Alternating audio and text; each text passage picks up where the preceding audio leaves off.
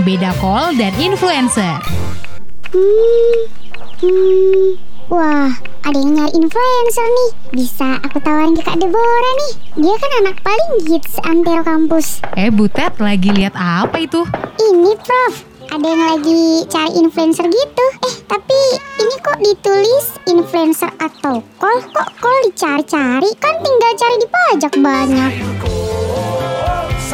Oh, itu bukan sayur kol, Ted. Kol hampir sama dengan influencer, tapi berbeda fungsinya. Terus, apa bedanya, Prof? Kita mulai dari definisi call ya, atau key opinion leader. Mempunyai keahlian di bidangnya masing-masing, tapi sering pula disebut influencer karena keahliannya dan kredibilitasnya setiap kali call mengemukakan pendapat atau saran, kemungkinan besar orang-orang akan mendengarnya. Mereka mempunyai audiens yang spesifik menurut bidang keahliannya. Oh, gitu, Prof.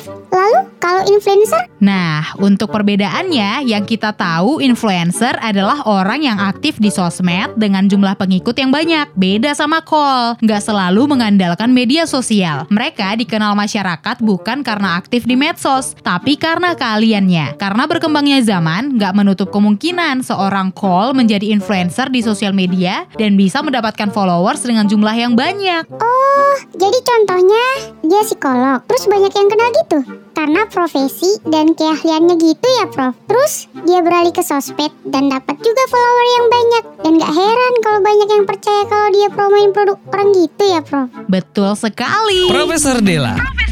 Barang Nom Nom Tampu Bolon dan Denis Tambunan. Setiap Senin sampai Jumat jam 6 sampai 10 pagi. Cuma di Indal Morning.